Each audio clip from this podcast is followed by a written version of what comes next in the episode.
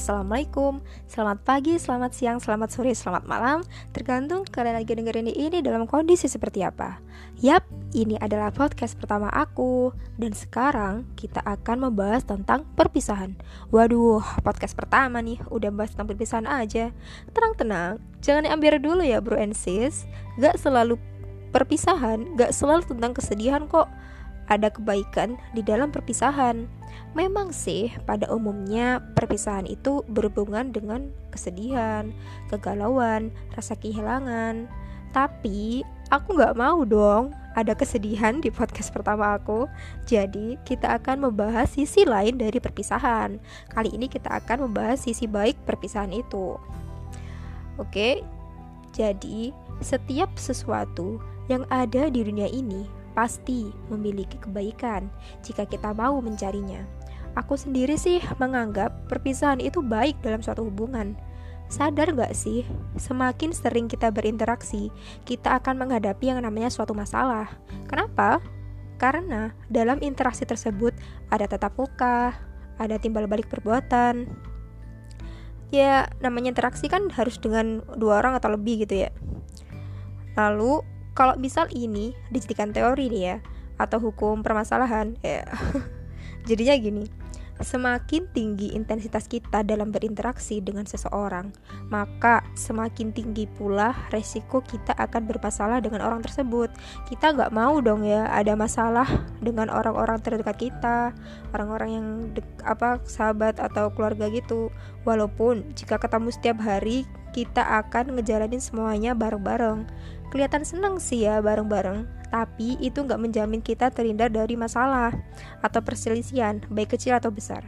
Selain itu, perpisahan membuat kita jadi lebih menghargai pertemuan, karena dalam masa-masa saat berpisah itu kita saling menahan rindu atau mencelengi rindu, mencelengi, kagak mencelengi bahasa apa ya?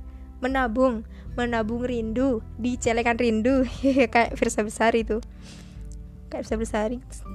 Dan saat menabung rindu di celengan rindu. Eh, terus terusan ya tentang rindu rindu. Itu tuh kayak waktu di saat kita bertemu apa sesuatu yang kita rencanakan untuk bertemu dengan orang tersebut yang selama ini kita rindukan itu akan kayak jadi berkualitas gitu. Beda dengan yang ketemu setiap hari. Contohnya aja aku nih ya udah hampir tiga bulan gak ketemu dosen teman sekelas dan mungkin saat ketemu nanti kita kok akan lebih menghargai waktu. Kita tuh sadar bahwa pertemuan pertemuan itu sangat penting. Karena kita kalau misal bisa itu kayak rindu-rindu gitu. Ya gak sih? Mungkin aku aja yang rindu atau yang lain. Nah beda lagi kalau bagaimana sih kalau pertemuan yang tanpa ada per beda lagi kalau perpisahan yang tanpa ada pertemuan kembali. Bagaimana sih perpisahan yang tanpa ada pertemuan kembali? Seperti kehilangan orang yang kita sayang, orang terdekat, keluarga atau sahabat yang kita nggak tahu kapan kita akan ketemu, atau mungkin kita emang sudah kehilangan orang tersebut.